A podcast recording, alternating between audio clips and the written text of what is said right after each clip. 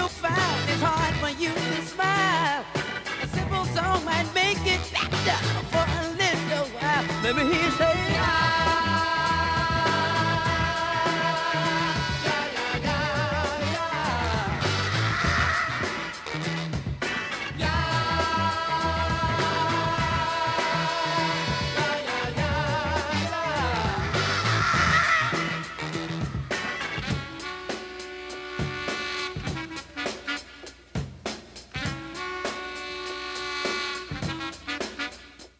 Hérna. Þetta er breykbítið. Hlustaðu.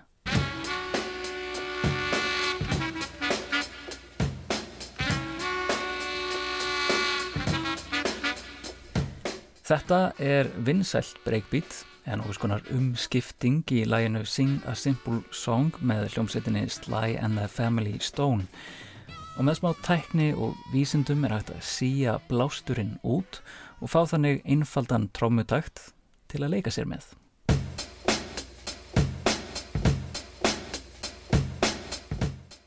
Þessi taktur er frægur, mjög frægur.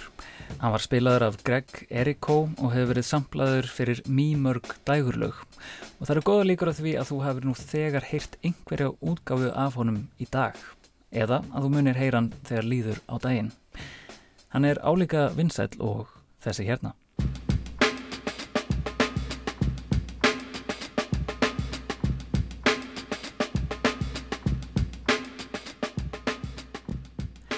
Þetta er hinn svo kallaði funky drömmer taktur spilaður af Clyde Stubblefield og hefur verið samplaður mest allra takta. Hann byrtist fyrst á smáskifu James Brown sem hétt einfallega funky drömmer. Taktanir úr Sing a Simple Song og Funky Drummer eru nokkuð nálagt hvort öðrum í hraða. Simple Song er í 101 slægi á mínútum og Funky Drummer er í kringum 98. Ef við hröðum Funky Drummer smá þá getum við sett á okkur hirnatólinn og skipt þeim eins og góðum plötusnúð sæmir.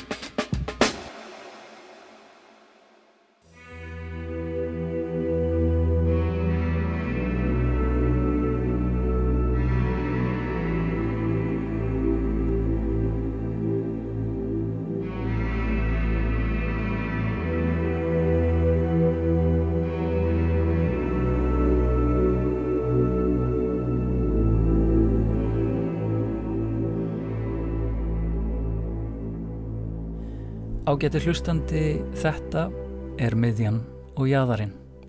Þáttaröðu sem skoðar hvernig tónlist, menning og samfélag okkar hverfist um hinn ímsu sambönd miðju og jæðars. Miðjan vísar gerðan í það sem þykir vinsælt, almennt eða í tísku en jæðarinn í það sem er ekki á allra vörum og er heldur sjálfgeft. En miðjan getur einnig vísað í ráðandi öll og jæðarinn þá til jæðarsettra hópa samfélagsins. Þetta erum við og hinir, tískan og kúlið, hið venjulega og hið óvenjulega. Og í þessum þætti er komið að því. Við ætlum að fjalla um hip-hop. Yo, man, there's a lot of brothers out there flaking and perpetrating, but scared to kick reality. Yo, Dre, you been doing all this dope producing. You had a chance to show them what time it is. So what you want me to do? Do.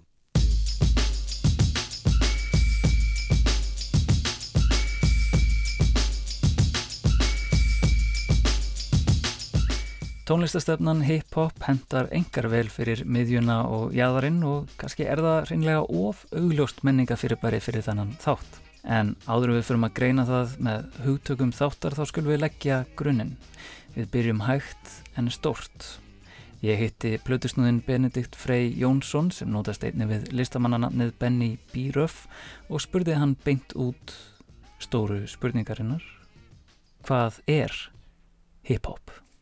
Fyrir mér er hip-hop ákveðið samfélag, ákveðin kultúr, uh, menning sem að hefur farið margar áttir.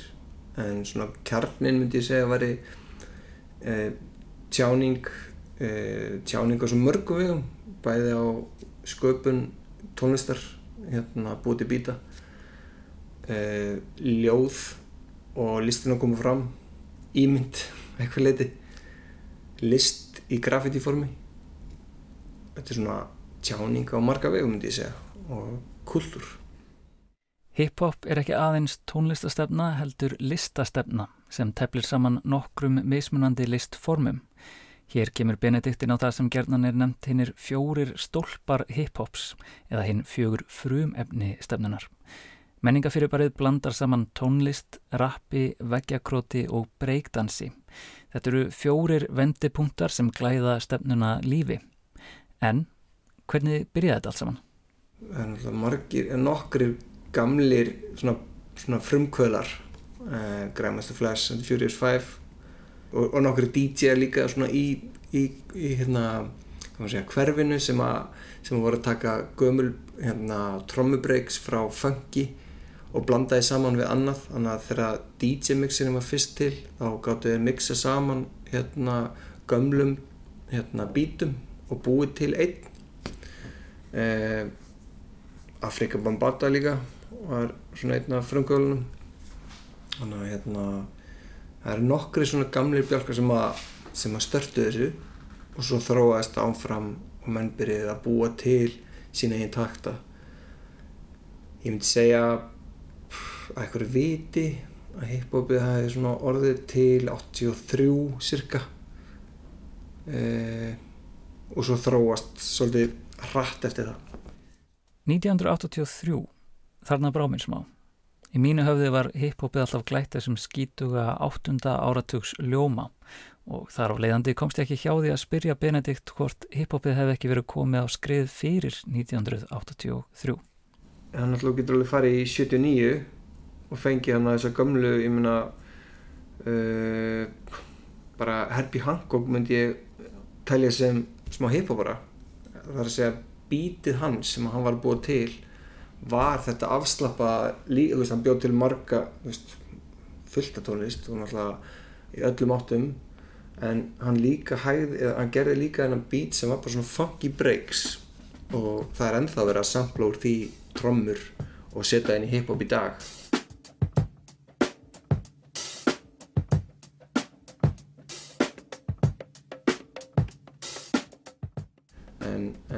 getum alveg farið og tekið marga funkartista og, og sé, já, þarna þetta er það sem var kallað hip-hop, skiljur þannig að, jújú, jú, ég get alveg sagt 77, 79 en svo aðeins inn í 80 þá eru menn líka að byrja að nota trómheila meira, skiljur þannig að þá var líka komið 808 og, og svona þá var hérna bíti byrja að þróast í fleiri áttir heldur en bara trommur eins og við þekkjum bara með, með trommum sko en hérna svona 83 til 86 eitthvað sluðis þá var þetta komið út í svona aðeins meira e, já, bara aðeins meiri svona fjölbyrdilega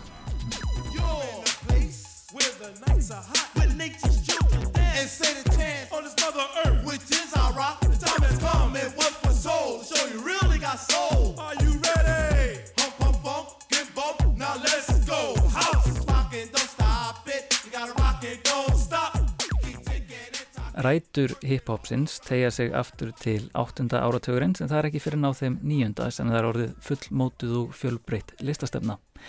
Takturinn er vissulega einn helsta undirstaða hiphopsins. Hann er grundvöldur rapsins og drivkraftur dansana. Þannig að mér langaði svolítið að fræðast um tæknin á bakvið bítskiptingarnar og baði því Benedikt um að liðbenna mér. Ég myndi byrja á því að segja að velja tvær blöður sem eru sambarlegar það er að segja beats per minute BPM þannig að þú getur mixað saman. Þannig að finnir beatið telur í og, og sleppir því síðan alltaf á þú veist telur 1, 2, 3, 4 1, 2, 3, 4 sleppir á einum uh, með kick yfirleitt og læri þannig að beatskipta ég myndi segja að það er grunnurinn af því að þetta skýðum mér finnst DJ sem að beatskiptir ekki ég get eiginlega ekki sagt að hann sé búin að læra að DJ skrats og svona skreitingar það kemur eftir á. Grunnurinn er að beatskipta fyrst. Og það að finna taktinn þá þarf þetta að stilla náttúrulega hérna, þú veist, þú veist að stilla hraðan og finna rétt að taktin þess að segja beats per minute það þarf að vera sambalegt að nú sért ekki að blanda saman hérna, beat sem er 100 bpm og 120 af því það gengur ekki upp í beatskiptingu. Þannig að þú verður með beats per minute 95 og 100 það er bara fínt. Og svo bara getur það hægt þá á 100 nýri 95 og, og blanda því saman. Og æfa þig á fullu. Það er bara þú veist, taka klukktíma á dag og æfa þig. Þetta snýst á miklu leiti um beats per minute eða slög á mínútu hvað slær takturinn mörg slög á einni mínútu. Með því að finna tvö lög eða takta með sömu eða sambarileg slög á mínútu þá er maður komin af stað og getur byrjað að æfa sig. En hvernig hefur Benedikt upp á slíkum lögum eða töktum? Við hlusta rosa mikið á tónlist. Og þú veist, maður er alltaf að hlusta á sömpl, þú veist, leitast eftir sömplum líka. Af því maður er búið til takta og, og maður svona heyrir stundum þetta lag passa vel við þetta lag. Þetta er, og svo, svo á maður, svo eftir að maður búin að vera að grúskís og finna réttu lögin sem passa rétt saman og þetta með þessari byrjun og þessi með þessum enda og svo, þú ertu bara komið þinn einn heima ekkurum fullt af lögum sem passa vel saman hinga og þanga, kannski miðjunni þarna byrjunni, skiljur þetta er bara svona eitthvað sem maður nördast í og hérna það var bara, þú veist, þegar maður var bara með vínil, þá varstu bara hérna, keftur þér tónlist út af því hvernig það myndi virka í klubnum hvernig þú fílaði það og hvernig þú getur notað þegar þú ert að veist, skratsa, bítskipta og svo framvegs hvernig það passa vel saman. Og eftir að maður er búin að vera með þennan hugsunátt lengi þá ertu með fullt af skiptingum í settinu sem bara passa saman. Og það er bara kannski þú veist, þú kannski ertu með áttalög í einni röð og svo kem, kemur ekkert svo bara frístæl og svo ertu kannski með fjögulög saman sem passa saman skilja þannig að þú ert alltaf inn og komið bara þinn eigin katalóg af lögum sem passa saman þegar þú ert búin að vera grúski í þessu Bítskiptingar ganga sæsat út og að finna trómubreiki í tónlist sem þegar hefur komið út og blanda þeim saman, líkt á þess að við gerðum í byrjun þáttar. Þetta hér.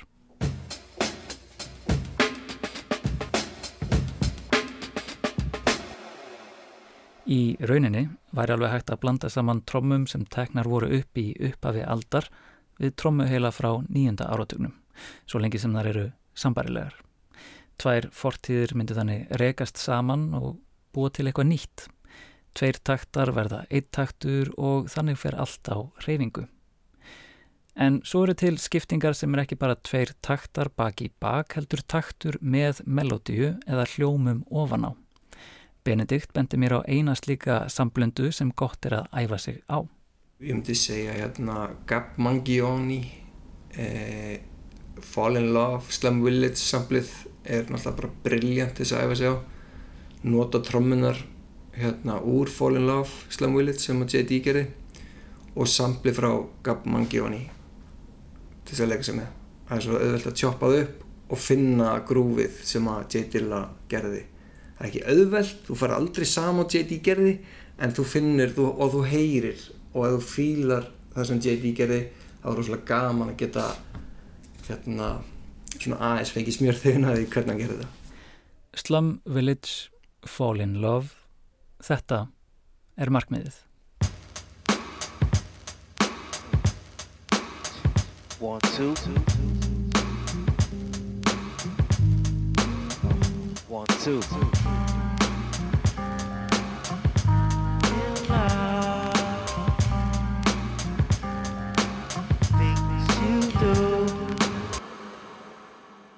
Grunnurinn fyrir þetta lag er búin til úr tveimur eldri lögum.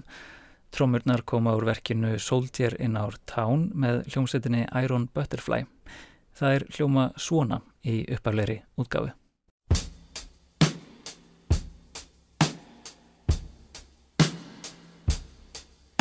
En þessi laglína eða kannski öllu heldur bassalína, kemur úr verki eftir bandaríska píjónuleikaran Gap Mangione. Lægi sem ber þann skemmtilega titil Diana in the Autumn Wind. Þar hljómar línan svona.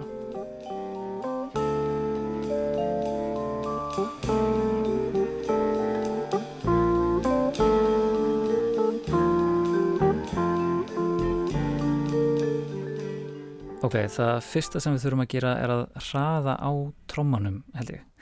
Ef við teljum taktin með Slum er það svona 1,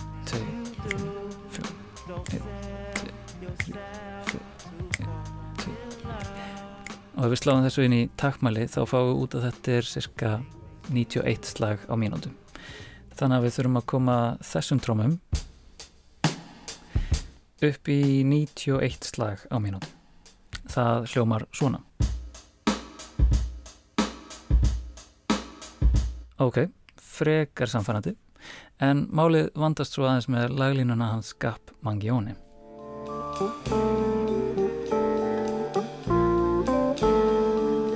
eins og heyrist er laglínan mun lengri Slum Village læðið notast aðeins við brot sem tekið er úr samhengi þannig við klippum akkurat það brot út úr Gap Mangione læginu Diana in the Autumn Wind.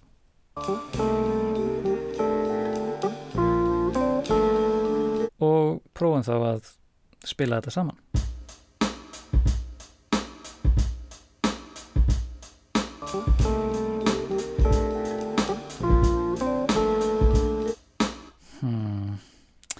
Þetta hljómar ekki rétt. Uh, ég glimti held ég að hæja á Gapmangjóni. Prófum það. Neyri 91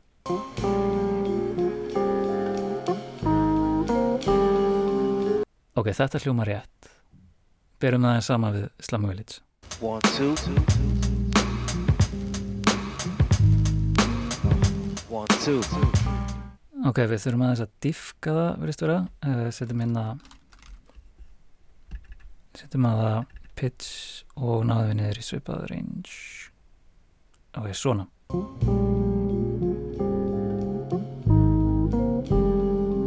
Þá ættum við að vera búin að stilla þessu öllu upp. Prófum að setja það saman aftur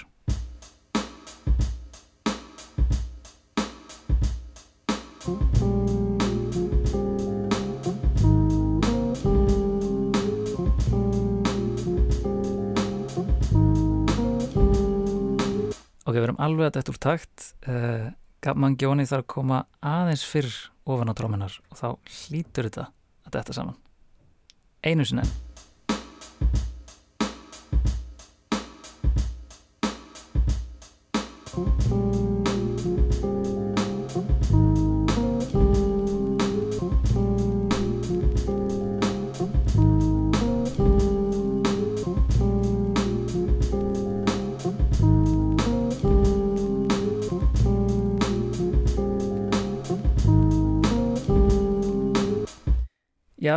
þetta er kannski ekki alveg þétt og hjá J. Dilla og Slum Village en þetta er eitthvað í áttina. Ágetis byrjun. Nú er það bara æfingi klukkutíma á dag næsta árið, næstu árin. Þá getur kannski búið til hérna fínustu ábreyðu af þessu lei eins og þessa hérna frá Flying Lotus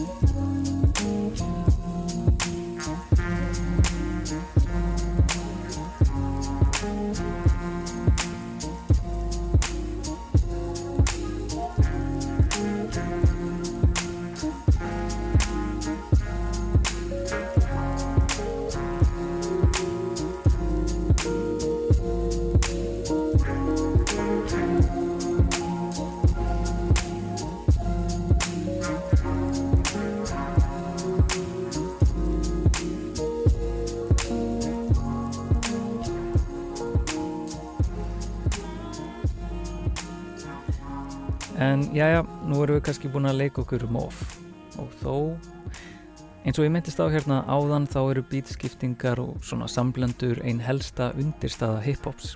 Þetta er stóðgrindin sem heldur upp í listastefninni. Þessar tvær fortíðir sem rekast saman eða öllu heldur blandast nögralaust saman og skapa eitthvað nýtt. En í þessum þætti viljum við skilja menningar fyrirbæri út frá hugtökum miðju og jæðars. Við hverfum því frá glensinu og gamninu sem býtskiptingum fylgir og snúum okkur að alvöru málsins, svo að segja. Hip-hop skoðað út frá miðjum og jöðrum. Eða kannski áður en ég hef einræðina eitt smá glens í viðbót, bara á svo að andrumsloftið sé rétt. Við skulum skjóta fengi í drömmertaktinum undir miðju og jæðarstefið.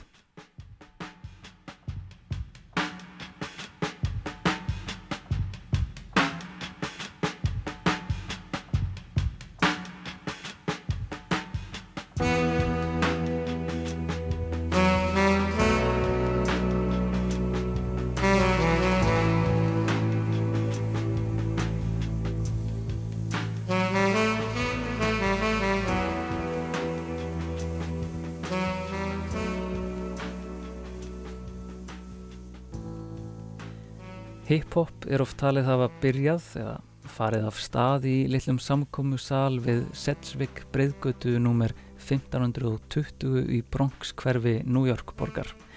Þetta er ein af mörgum blokkar byggingum sem voru kallar skjól eða atkvörf verkamannastjættarinnar. Hip-hop var jæðarkultúr sem myndaðist hjá jæðarhópum, sónum og dætrum verkamanna sem byggu bókstaflega á jæðri New York borgar á 8. og 9. áratug 20. aldar.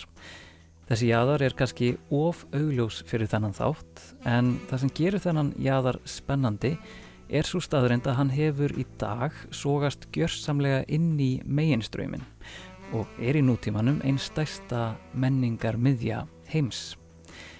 Já, hip-hop er í samtímanum algjör meginströymur og er vissulega orðin hluti af hverstegi okkar flestra. Stefnan afhjúpar sig í útvarpinu sem símringing, hún sleppur undan heyrnatólum vegfærenda, hún er spiluð í verslunum á skemmtistöðum og meira segja á kaffihúsum líka.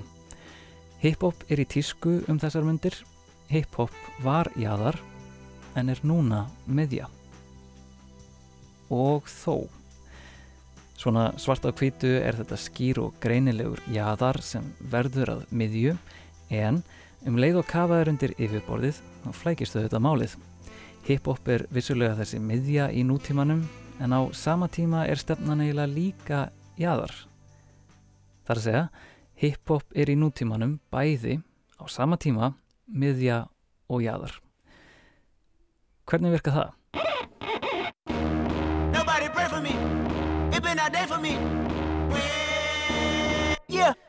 Þrátt fyrir að vera tísku miðja þá beinir hip-hopið gerðnan linsu sinni að jæðrinum. Tekstaheimur tónlistarinnar leiður hlustendur gerðnan inn í áður óaðgengileg rými. Þetta er heimur gödunar, prísund, neistlunar, uppeldi í fátækra hverfum, sögur af ofbeldi og lýsingar af fangelsislífi. Vissulega eru til mörg léttari hip-hop lög sem fjallum að dansa eða rúnda eða djamma eða bara um að njóta lífsins. En það eru gerðan þau lög sem snerta á beiskum veruleikanum sem fá hvað mesta aðtikli og umfjöllun í dag. Slík lög fá að bergmála um menninga miðjur samfélaga og er að milla mikilvægum jáðar sínum þessara sömu samfélaga. Eins og Benedikt sagði okkur í byrjun þáttar þá er listastefnan hip-hop mikilvægur og fjölbreytilegur tjáningamáti og hún var það sérstaklega fyrir lægri stjettir þegar hún var að byrja í jáðarkverfum New York borgar sem voru að miklu leiti hunsuð af yfirvöldum. Innviðir þeirra voru að hruni komnir og fátækt í þeim útbreytt. Í slíku samfélagi er hætt við því að mikil ólga kræmi í hjörtum almennings. Gremja sem kallar á útrás og því aldrei að vita nema hún springi út með tilhýrandi ofbeldi. En það er þar sem hip-hop stefnan þjónaði ungmennum þessa samfélags á mjög jákvæðan hátt. Sem tjáningarbilding kom hún þessari útrása þörf í nokkuð farsælan farveg. Stefninu fylgdur endar smáglæpir sem voru þó tiltölulega meinlausir glæpir til að byrja með, svo vekja krótt eða graffiti. Síðar áttu vissulega nokkrir skotbardagar eftir að brjótast út og smá eiturlefja vesen. En á heldina litið var stefnan vissulega positíft byltingarafl í niður nýttu jáðar samfélagi. Og enn í dag við heldur hip-hop þessu útrásarafli. Þrátt fyrir að vera markaðsvætt miðja þá er stefnan ennþá að hvetja jæðarhópa til jákvæðrar tjáningar. Og sem vinseldar miðja veitir hún einstaklingum og hópum mun sterkari rött til þess að tjá tilveru sína, bæði innri hræringar og skoðanir á ytri félagslegum Hasta.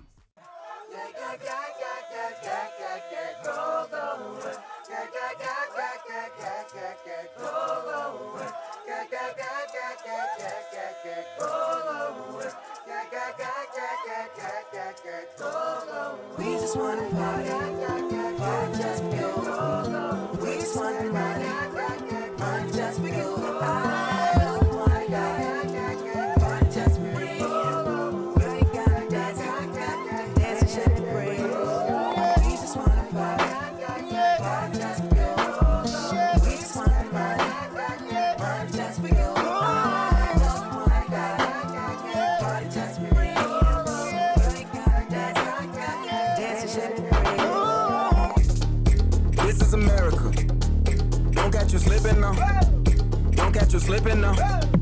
Look what I'm whipping now. This is America. Don't catch you slipping now.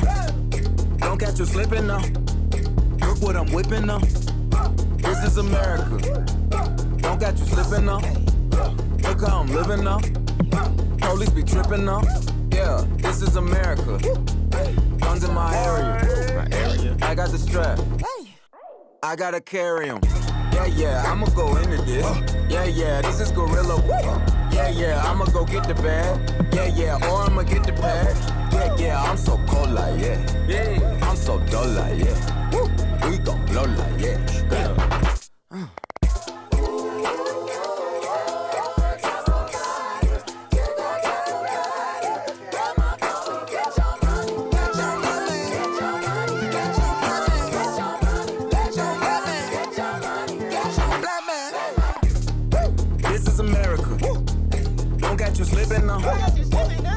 Slipping now.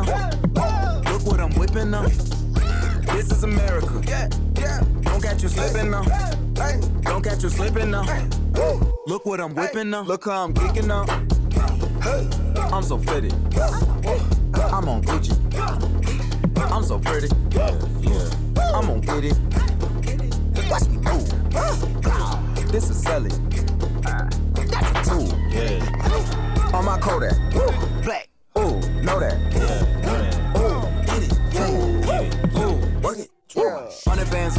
Hundred bands. Contraband, contraband, contraband. Contraband. I got the plug on who a hawker. Whoa. They gonna find you like Paco. Blow.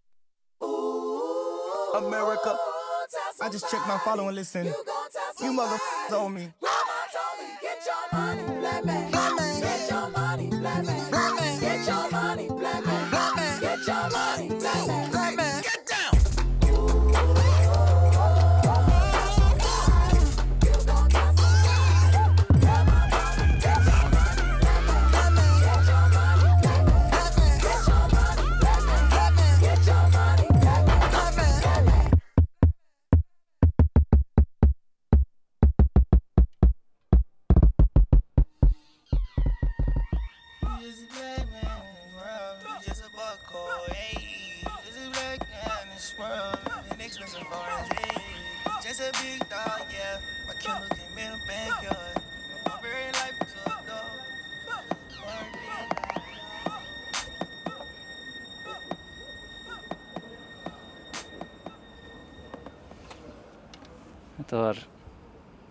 This is America með tónlistamanninum Childish Gambino og við setjum hér ég og Anna Marsebil Klausen í það sem áður var Hjartagarðurinn ég veit ekki hvort það heiti það lengur, veistu það? Já, þetta heitir kannski hjartagarðurinn en maður veit ekki alveg hvort hjartað slái, sko. En þetta eru náttúrulega örlög alls svona uh, sem er, er bara gott og er í rótinni og verður vinsælt, sko, já, upp úr, upp úr engu, upp úr bara einhverjum húsarústum, sko. Á einhverjum tímpúti þá þarf að valta yfir það og byggja eitthvað sem að elitan getur notið eða, eða meginströymurinn getur notið og Mér finnst það reyndar ekki að hafa hefnast eitt rosalega vel í þessu tilviki en hver veit, Þetta, þetta er snirtilegt. snirtilegt er ekki skemmtilegt. Ástæða fundar okkar önnu var þetta umdelda lag This is America sem kom út árið 2018 og allir vægast sagt miklu fjadrafóki í fjölmjölum. Í verkinu eru óteljandi hugtök og tákn afhjúpuð sem geta haft margar og margræðar merkingar þannig að ég ákveða að spyrja önnu einfallega hvað er í gangi? Já, það er einmitt ekkert snirtilegt við þetta lag, sko, nema kannski hversu snirtilega og ósnirtilegt það er. Veist, að njóta þessa lags, það, maður verður eiginlega að horfa á myndbandi líka, því að þetta er rosalega heilstætt verk, þar sem að orðin öðlast meiri þýðingu og þau eru sett saman við myndmálið, sko, í myndbandinu. Og það er náttúrulega, auðvitað, er ekkert, er ekkert bara hægt að kenna Gambino um því að hann er auðvitað með leikstjóra og fullt af flottu fólki með sér en út af því að hann er leikari og góðu dansari og góðu performer að þá getur hann tjáð alveg ábúðslega hluti með uh, reyfingum og bara andlitsreyfingum, andlitsdráttum í, í sögum tilfellum. Og til verður alveg bara rosa stór og flókin ádela á bandaríska menningu en kannski það sem er óvinnilegra í er, er það að hann er ekki bara að tækla svona the, the powers that be hvað varðar kvítamannin heldur einnig hvað varðar uh, hip-hop menninguna sjálfa og þá já, og, og, og svartamannin og það einmitt verður til til dæmis í samspili textans þegar hann syngur Grandma told me get your money Black man, black man get your money. Amma sagði náðu peningana þína. Svarti maður, svarti maður. Náðu peningana þína. Og þegar maður tekur það textabrót fyrir og sér það í samhengi við hvernig hann og hinnir dansarnir í myndbandinu reyfa sig umkringt algjöru kási þar sem að hann náttúrulega bara hreinlega aflífar mann með skotvapni í byrjun. Þarna undir lokin þá er bara einhvers konar uppþótt einhvers konar uppreist það er einhvern veginn bara alltaf hrinja og brenna en þau dansa. Og þau dansa ekki bara þú veist, þau eru ekki bara að taka eitthvað makarena svona eins og eins og á einhverju grunnskólaballi sko, heldur eru þau að dansa uh, mjög ákveðnar uh, hreyfingar sem að svona kannski fyrsta vísunin sem hann kemur með í hreyfingu er svona minstrel dans sem að var uh, já, vinstelt hérna, þú veist, hvenar kom svona fyrstu svona minstrel síningar fram? Er það einhvern veginn á 20s eða eitthvað svoleiðis 30s þar sem að það er mjög gaggjart svart fólk sem er sko, jáfnvel svona málað enn svartara og sett í einhverja uh, þú veist, varnaðum gera rosalega rauðar og eru í einhverjum svona búningum og reyfa sig á svona skringilegan afskræmdan máta sem er sko ógíslega flottur, þú veist, maður horfir á þetta og er bara, vá, hvernig getur þú hreiftið svona? En, en uh, á þeim tíma þá gekk það ekki út á aðdáðan, heldur var verið að hlæja þeim og þau voru að dansa þessi, þessi svokallega minstrels, ég veit ekki hvað þetta heitir á íslensku, voru að dansa fyrir hvítafólkið, skemmta hvítamannum og fekk fyrir það pening. Black man, black man, get your money. Og sama hátt, og þetta var eitthvað í fortíðinni, að þá dansaði líka bara fræg að dansa úr svona sem hafa orðið vinsælir bara í gegnum YouTube myndbönd í dag og eins sko auðvitað bara vinsæl að dansa frá, þú veist, bara eitthvað svona frá Vestur Afríku sem að síðan hafa náð til bandaríkjana og verða komast inn í svona eitthvað svona, svona menningarvitund þar sem að þetta verður að skemmtiefni. Og það er náttúrulega það er það sem að, að gaggrín kemur inn á sko því að hann gaggrinir bandarins samfélag hann gaggrinir kapitalisman, hann gaggrinir kvítavaldið en hann er líka að gaggrina hvernig svarti maðurinn hefur aðlagað sig að þeim innviðum sem að hvíti maðurinn býr til þeim römmum sem að hvíti maðurinn setur svartamannum með því að halda honum innan skemmtanaðina þess dansaðu bara svarti maður og ég ætla að hlæða á meðan og borgaði pening fyrir og það er, já, það er það sem að mér finnst svona mest spennandi spennandi við þetta lag er þetta er svo rosalega stórt og viðfemt samtal um stöðu svartamannsins ekki bara innan þess samfélag sem heldur þeim niðri heldur innan síns eigins samfélags. Í lægi sínu This is America er Childish Gambino að spyrja mikilvægra spurninga um skemmtun og ég held að orðið skemmtana yðnaður sé hér líkil orð hjá önnu. Hver framleiðir skemmtunina, hver er ætlun hans og hver er að skemmta hverjum? Ég var kannski aðeins of jákvæður áðan í garð þeirrar tísku miðju sem hip-hop er í dag. Það er miðjunar sem varpar ljósi á sinn eigin jaðar og afhjúpar í tilfelli hip-hops, veröld, gödunar, neyslu, glæpi og fleira. Tónlistin getur vissulega þjónað slíku hlutverki eins og þetta tiltekna lag This is America en það sem gerir hip-hopið að miðju er ekki einhver byltingakent hugsunum jaðarmenningu, heldur er þetta farsæl framleiðslu vel skemmtunar í heiminum.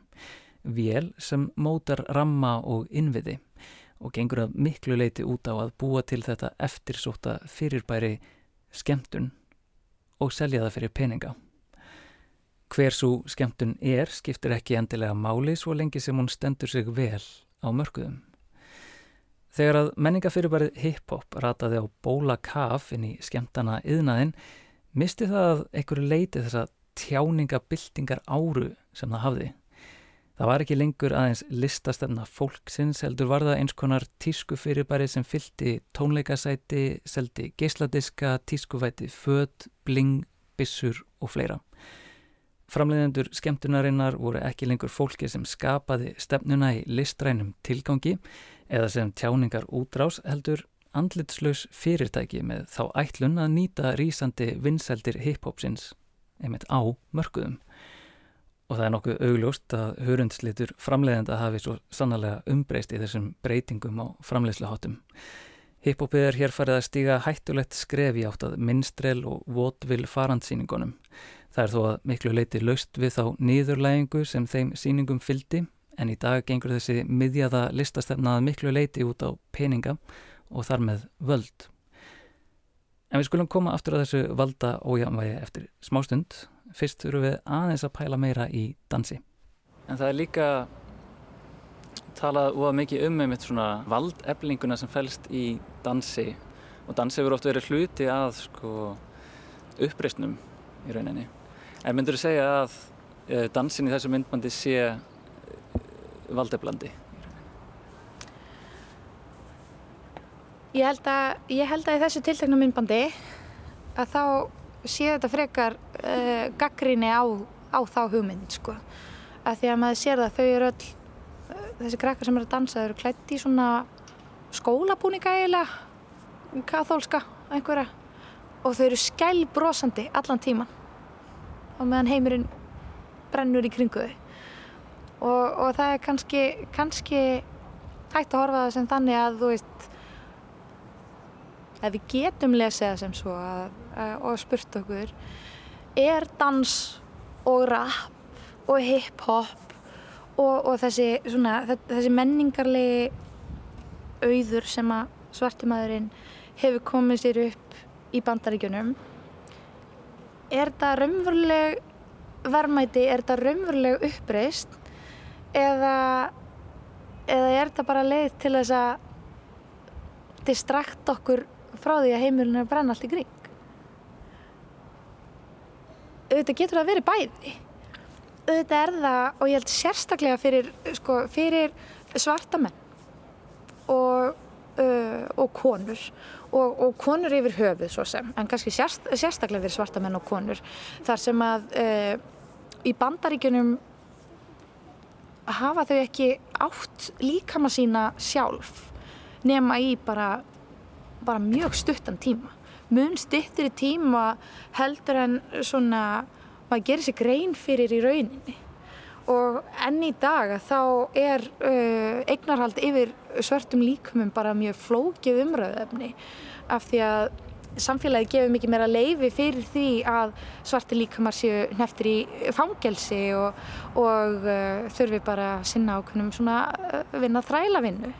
Þú veist, fyrir bara mjög litlar sakir í mörgum tilvikum og bara lendi í fangelsi alla sína æfi en ef við tölum um bara uh, hvernig dansinn getur svona tjáð frelsið.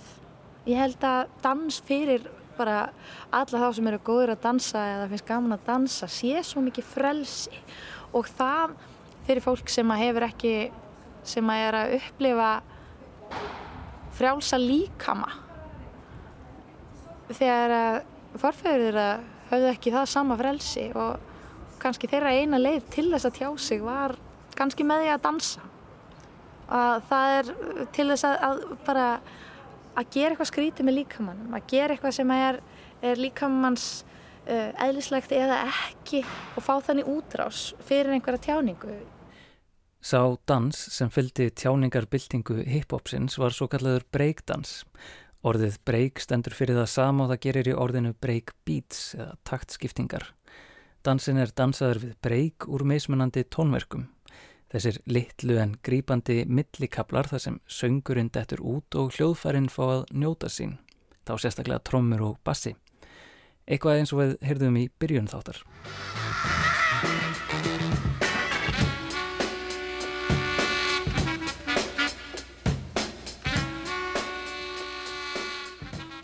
Plötusnúðurinn leitar að slikum breykköplum í verkum annara og blandar saman þessum tveimur fortíðum til að búa til nýjan og lifandi undirleik fyrir breykdans. Á sínum tíma þóttu hreyfingarnar í breykdansinum heldur óvenjulegar en spennandi. Í hiphop-sinnunni myndaðist sannlega plást til að gera eitthvað nýtt og skrítið með líkamannum og hefur svo hefð heldur betur smitast um allan heim alveg þannig að nú eru margir úlingar í grunnskólum landsins að læra breakdans sem þýðir að breakdans þykir ekki almennt óvenjulegur eða skrítin í dag.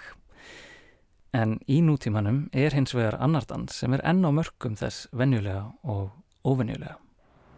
Ég held að dans sé uh, og frelsi séu svona ákveðni samlefnarar og, uh, og við höfum séð það á síðustu árum að það hefur mikið verið talað um, um dans og það mega hreyfa sig á ákveðin hátt í tengslu við frelsi kvenna það að til dæmis að töförka sem er ekki tilnægt fallar orða á íslensku yfir uh, það uh, hefur svona hefur þótt full kynferðslegt og ógæðfælt og svoleiðis og svoleiðis og svoleiðis. En, uh, en það er náttúrulega ótrúlega hvít og karlæg skoðun því að þetta er dans sem að uh, kemur frá einmitt uh, Vesturafriku til að byrja með og fæðrist yfir til bandarækjana og, og bara á, í Vesturafriku dansa hérna, mann ekki nákvæmlega hvaða landa er þar sem að þetta er svona hinn eiginlegu upprunni er þar sem að konur og karlar tvörka á gödum úti til að fagna. Og það síðan færist yfir til bandaríkjana og fólk getur tvörkað til að fagna, fólk getur tvörkað til þess að upplifa sig kynþokkafulla og það kynþokki er úrslega flókið hugtak þar sem að við getum gaggrínt fólk fyrir uh, að vera að svona að, að gefa líkama sinna einhverjum stöðlum um það sem er kynþokkafullt en á sama tíma þá er líka bara svo mikil uppreist í því að fá að vera kynþokkafullur. Að fá að vera kona sem að hristir líkama sinn á viðandi hátt. Og hvað þá þegar að karlar tvörka og fíla sig og reyfa líkama sinn á hátt sem að er ekki samþýktur á samfélaginu. Það er bara dans getur verið bara mest að uppreysna ræða sem til er þegar, þegar hún er peitur rétt.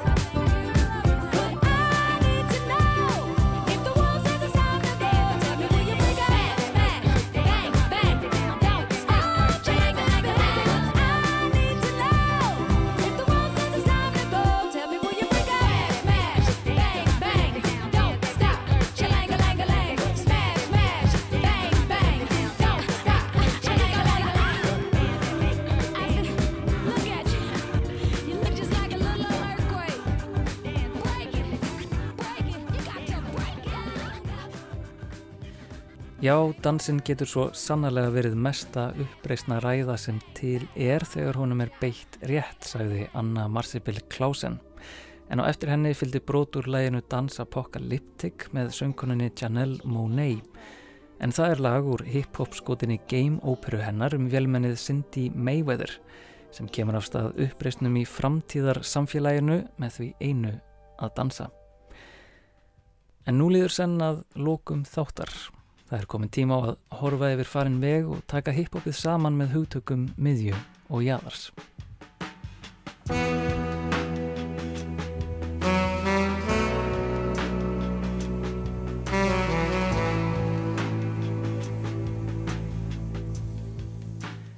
Í þessum þætti eru við farin að nálgast svolítið hættulegt samband miðju og jaðars. Við erum komin inn á svið hugtaksins menningar nám en það hefur vissulega laumupókast í bakgrunni þessarar þáttaserju frá byrjun. Við erum komin á bólakafi í peningamál, hagsmuna, baráttur og ja, kannski er besta orðið reynilega bara pólitík. Svo valda miðja sem miðlar hiphopi í nútímanum er stór. Þetta eru risa, risa stór framleiðslu öll skemmtunar í heiminum. Þetta er miðja sem er sífelt leitandi að því sem þykir spennandi og cool. Nokkuð svipað og við komum inn á í fyrsta þætti þessarar serjum.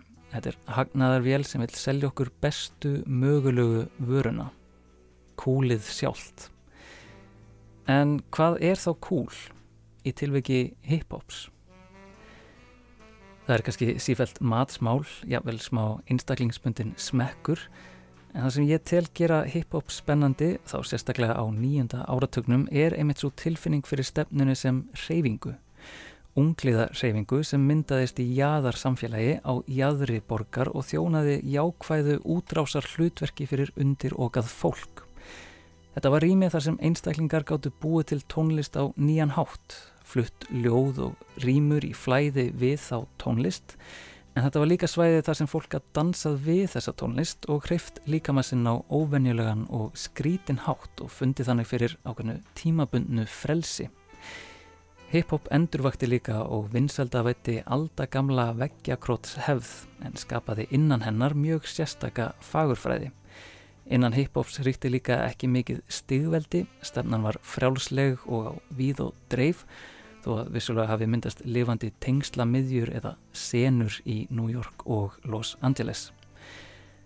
Þetta er það sem ég til gera stefnuna spennandi, sem er einmitt það sem skemmtana yðnaðar miðjan sér hafi sig í að þefa uppi. Littlar áhugaverðar senur sem þykja kúl, listastefnur sem hægt er að endur framleiða, endur kóða og selja stærri hópum fólks. Listamennirnir sem búa til tónlistina, tekstana, dansana og graffitíið voru og eru ennað miklu leiti svart fólk. Hip-hop er menningar auður svartra í bandaríkjanum. En það eru framleiðendunur á bakvið skrippborðin sem er að miklum meiri hluta að valda miklir kvítir karlmenn. Svipaðir ef ekki sömu kvítu karlar og stjórnuðu diskóinu og poppinu sem hip-hop skilgreindi sig upphaflega frá. Í dag er mjög stór partur af hip-hop senunni sem hlýtir bransa lögmálum poptónlistar þar sem listamenn hafa, eins og Anna Marsibil tjáði okkur áðan, aðlaga sig að innviðum og þeim römmum sem valdhafar, framleiðendur og fyrirtæki hafa sett þeim. Og fyrir þessum stjórnendum framleiðslunar hefur hip-hop það óspennandi hlutverk að búa til peninga. En þrátt verið það má finna mýmarga litla hip-hop jæðra um heim allan sem greina sig frá megin ströms hip-hopi eins og jazz, rap, neurohop, kvætó, trip-hop, horrorcore, krunk, drill og fleiri.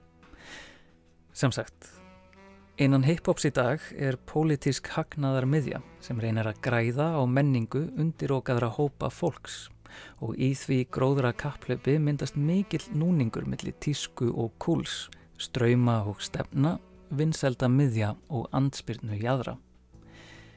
Þetta er mjög flókin flétta, aragrúi af breytum og þessi hugtök miðju og jæðars eru alveg öruglega að gera raunveruleikan fátakari. En þetta er einleið af mörgum til að horfa á þessa stefnu og í raun margar aðrar listastefnur sem eiga ekki upptök sín hjá fyrirtækjum kvítra karla en enda samt innan þeirra framleiðslu ramma sem þeir hafa búið til. Hér er ég til dæmis að tala um tónlistastefnur á borð við blues, jazz og funk sem eru vissulega einnig listræn auður svarts fólks í bandaríkjunum en gerjast í dag að miklu leiti innan skemmtana yðnaðar miðjunar. Og það er þar sem við skulum enda þáttinn. Við skulum gefa Nínu Simón loka orðin. Hún syngur hér lag sem er þessi einkennilega flétta listræns auðs og skemmtana yðnaðar. Hér er æðsti prestur sálartónlistar að flytja lagið Mr. Bojangles. I knew a man, Bojangles, and he danced for you. In with silver hair, a ragged shirt, and baggy pants. The old soft shoe. He jumped so high, jumped so high. Then he lightly touched the down.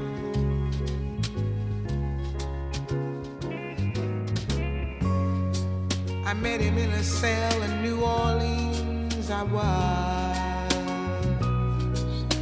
down now. He looked at me to be the eyes of age as he spoke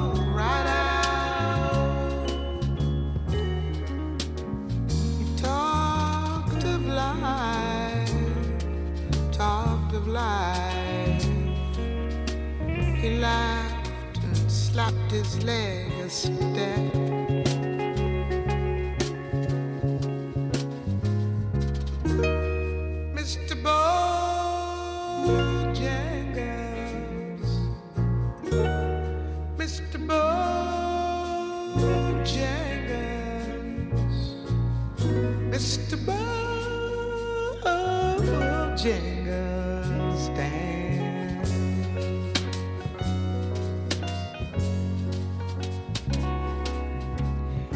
Said his name, Bojangles, then he danced a lick. across the sand. He grabbed his pants, a better stance. Oh, how he jumped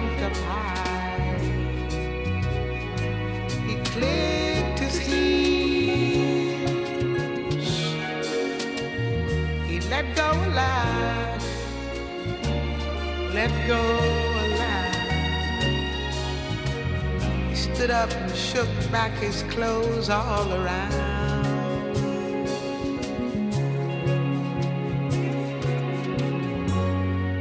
He danced for those at minstrel shows and county fairs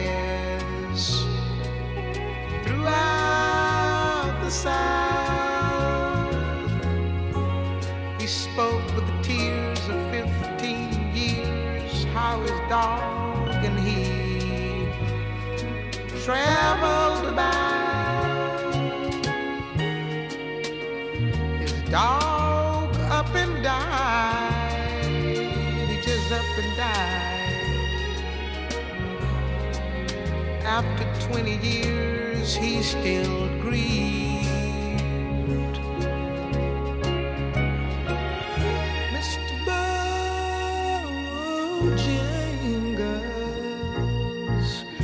Mr. Bojangles,